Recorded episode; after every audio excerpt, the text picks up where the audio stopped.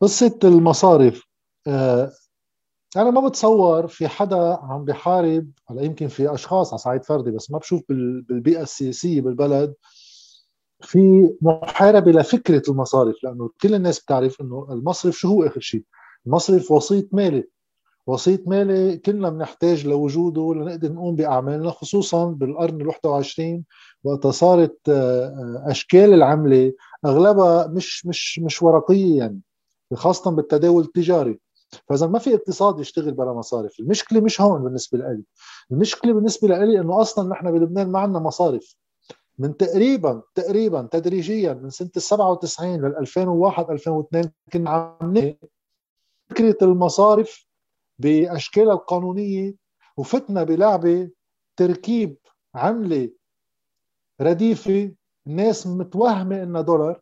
بمجرد ما قررت الدولة تستدين بالدولار. بداية من 92 عم بحكي بالأرقام الكبيرة كان عمرها بتستدين بالدولار ولكن بأرقام صغيرة ودغري بتتسكر. بس بجلسة 98 استدينا بجلسة واحدة مليارين دولار وفتحنا الفتوح بلشنا نعطي فوائد بالدولار عملة مش عنا عملة أمريكية. نعطي فوائد بالدولار وصلت بمرحلة من المراحل بآخر أطوار الأزمة حتى يمكن وصلت ل 8 مره ل 10% جاد هون بلشت الأزمة ب 98 أنت برأيك ولا قبل؟ ب 97 بلشت. هون بلشت. الأزمة بلشت ب 97 عند أول آه عند أول مظاهر انخفاض احتياطي العملات الأجنبية بمصرف لبنان تهديد سعر الصرف وكان هذا بالنسبة لهم قلق شديد إنه يرجع يصير.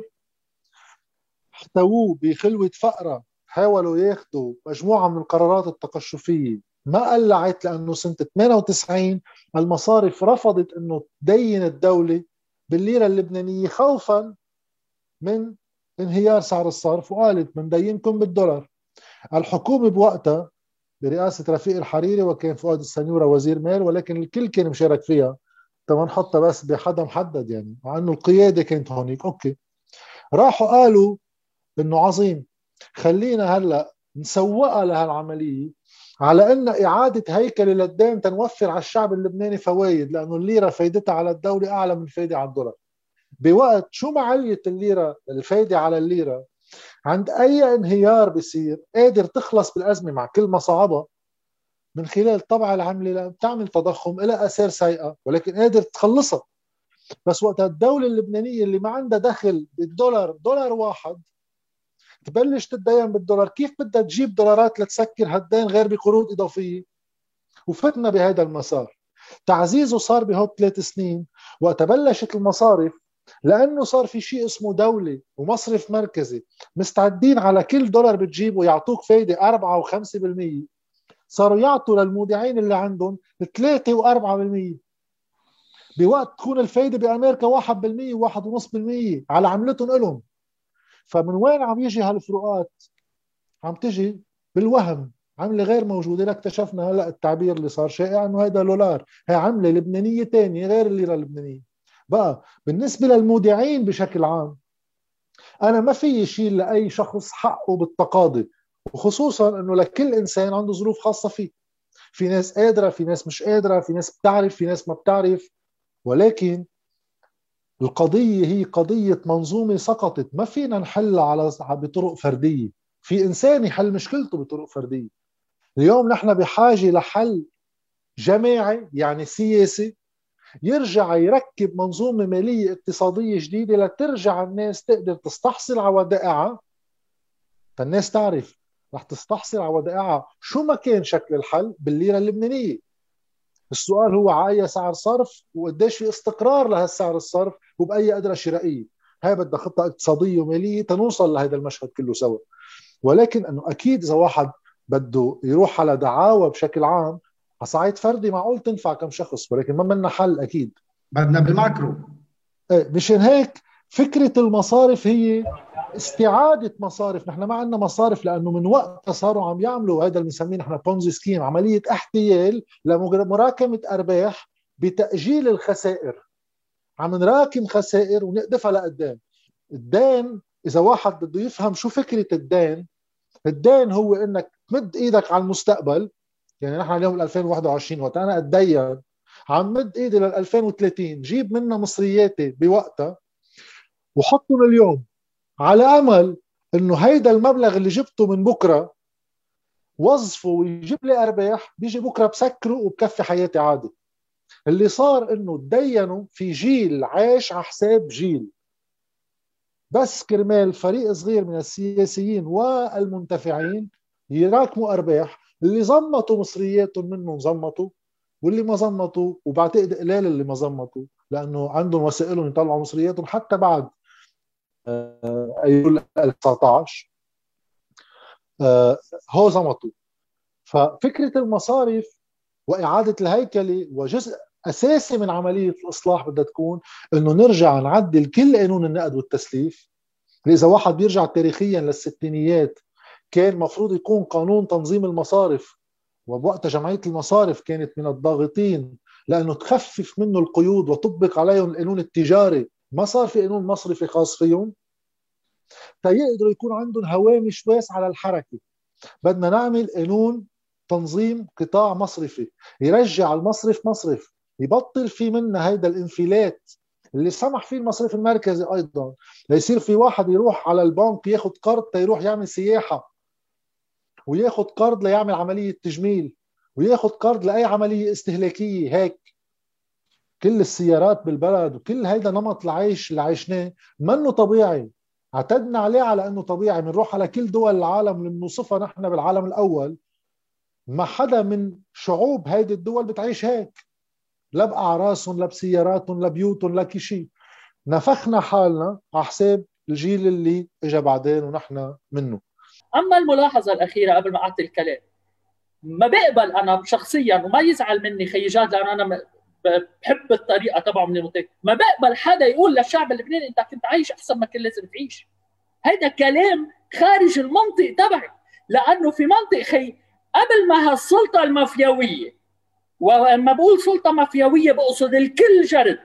وتم تم فوت بالتسميات. لأنه بعرف إنه في بعض الأشخاص بعدهم ما بعرف كيف مرتبطين عند الرئيس تبعهم. يروحوا يراجعوا كل شخص مضي موازنة. كل شخص صدق على موازنة مجلس الوزراء. قطع ورجعت مرقت بمجلس النواب. في بعضهم قال شو اعترضنا عليها؟ خي ما بتعترض بتطلع من مجلس النواب بتقول هاي الموازنة ما بقبلها وهي استقالتي كل شخص وافق على هالموازنات هو مساهم بسرقة الشعب اللبناني. إذا برجع أنا للستينات وخمسينات وسبعينات وراح أقول لك أكثر من هيك الثمانينات بالحرب الشعب اللبناني كان عايش كثير مرتاح. بيسافر بيظهر بيروح بيجي. وما كان في هذه العمليات اللي عم بخبرونا عنها. لا نحن ما كنا عايشين بفائض من الحياة. كنا عايشين بفائض كثير طبيعي لأنه كل اللي عم يسمعوني منك يا حسن وإبراهيم وجاد وأستاذ بازي كلنا عم نشتغل ليل نهار وشغلتين وبناخذ معاشات وبنسافر هذا نمط حياة طبيعي لشعوب. ونمط طبيعي حياتي لشعوب انها تتدين تتسافر. أنا كنت عايش بفرنسا 20 سنة ناس كانت تتدين تتسافر. بس المشكل ما كان بنمط الحياة النمط المشكل كان بالنمط بقول لك وين؟ كان بسرقه العالم. كذبة ال 1500 كذبة ال 1500 بيتحملها رياض سلامة. لأنه طلبت منه أنا من سبع سنين لورا إنه يبلش يشيل الباكينج 10% سنويا. كنا وصلنا لدولار اليوم بحدود 2007 ووقفنا عنده. يعني كنا عايشين بارتي طبعا التسويق في إيه بس هيدي ما كنت أنت عايش منها. أنت حسن أنت كنت عم تستفيد منها؟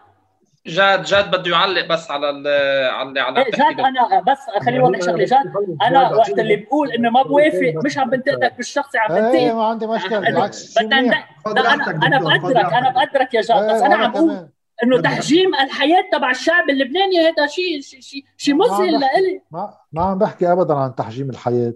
عم بحكي عن النظام ما وفره للناس والناس وين ما كان بتشتغل على قد ما بيتوفر لها.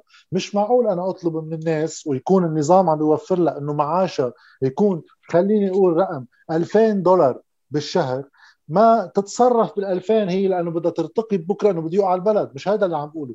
أنا اللي عم بقوله إنه هيدا النظام وفر قدرة شرائية بالدين يعني برهن مستقبلهم. أكيد الناس ما كان معها خبر ما عم بلوم الناس.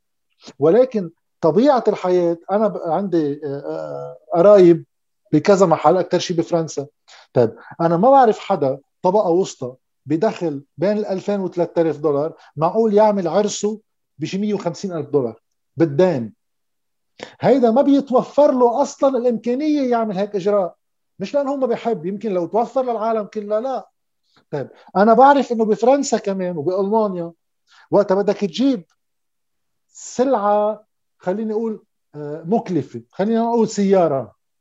مش ساعة اللي بدك أنت بتروح على المعرض بتفوت بتقول له بدي هالسيارة يلا دور المفتاح ومشي بيتوسع السيارة ومعقول تنطر أيام شهرين لتقدر تستلم السيارة.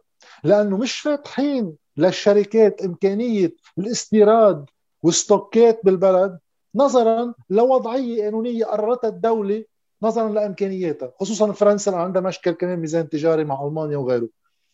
هيدا اللي توفر للبنانيين توفر لهم واستفادوا منه ضمن قدراتهم ضمن شغلهم.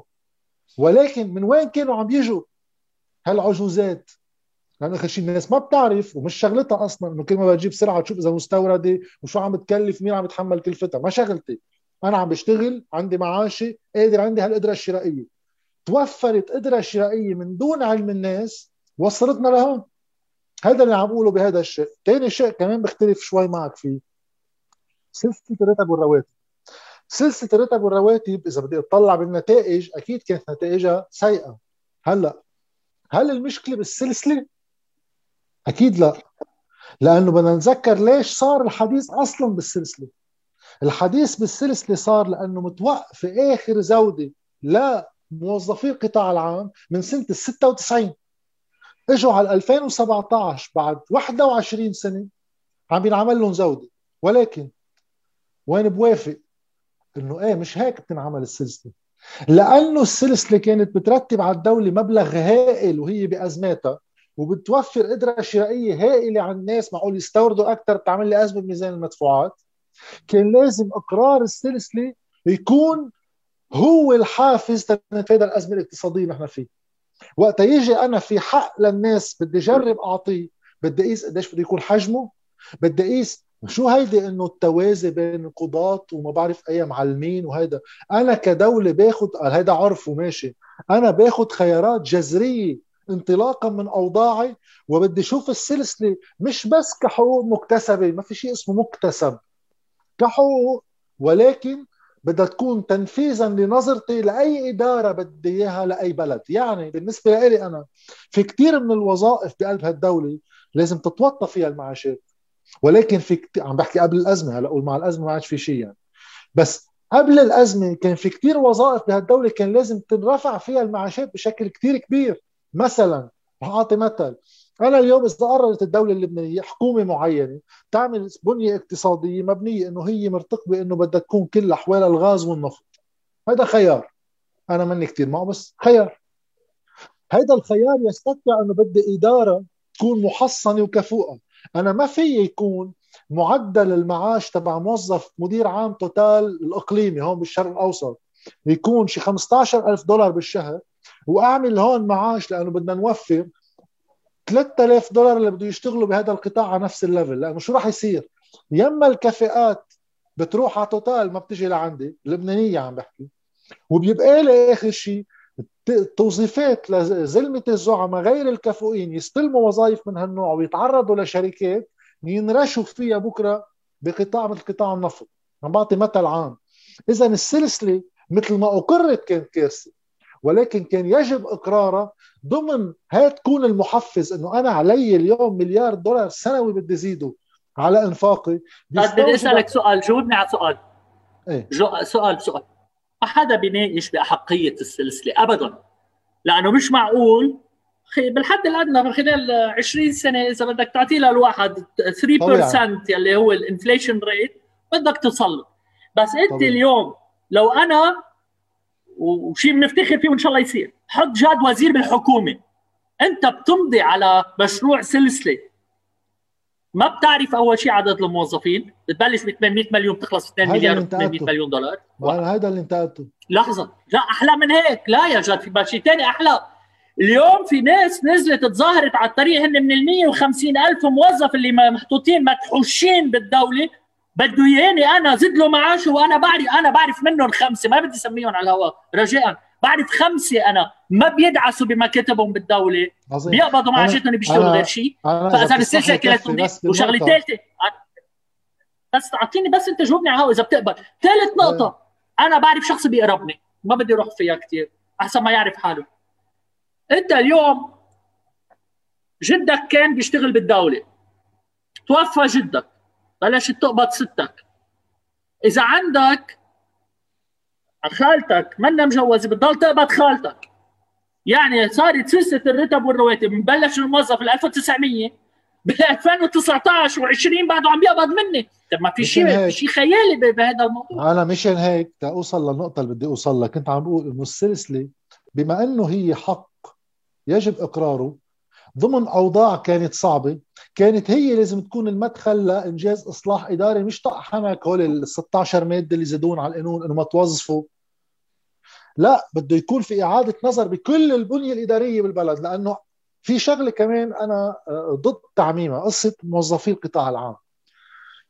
بده واحد شوي يفصلوا لهالقطاع العام. لأنه القطاع العام منه شقفة وحده مثل ما واحد يقول القطاع الخاص. يعني أنا وسليم صفير قطاع خاص. لا مش مش مش فرد شغلة. بالقطاع العام في عندك أقل من 15000 موظف بالملاك. و60% شغور بالملاك تبع الدولة. عم بحكي هون وظيفة إدارية بإدارة الدولة. في عندك حوالي 120 ألف عسكري وقوى أمنية. هون بنبلش نحكي بمشاكل. عندنا حوالي كانت 90 ألف أستاذ ومعلم. بقى القطاع العام منه شيء واحد. فرغنا الإدارة اللي هي مفروض تدير كل شؤون المواطنين بالدولة ودحوشنا عالم بالقطاعات العسكرية والتعليمية بشكل أساسي. وبوقت هالإدارة فيها 60% من ملاكة إذا مش أكثر صار الرقم. هال 60% منه كثير محدث الرقم.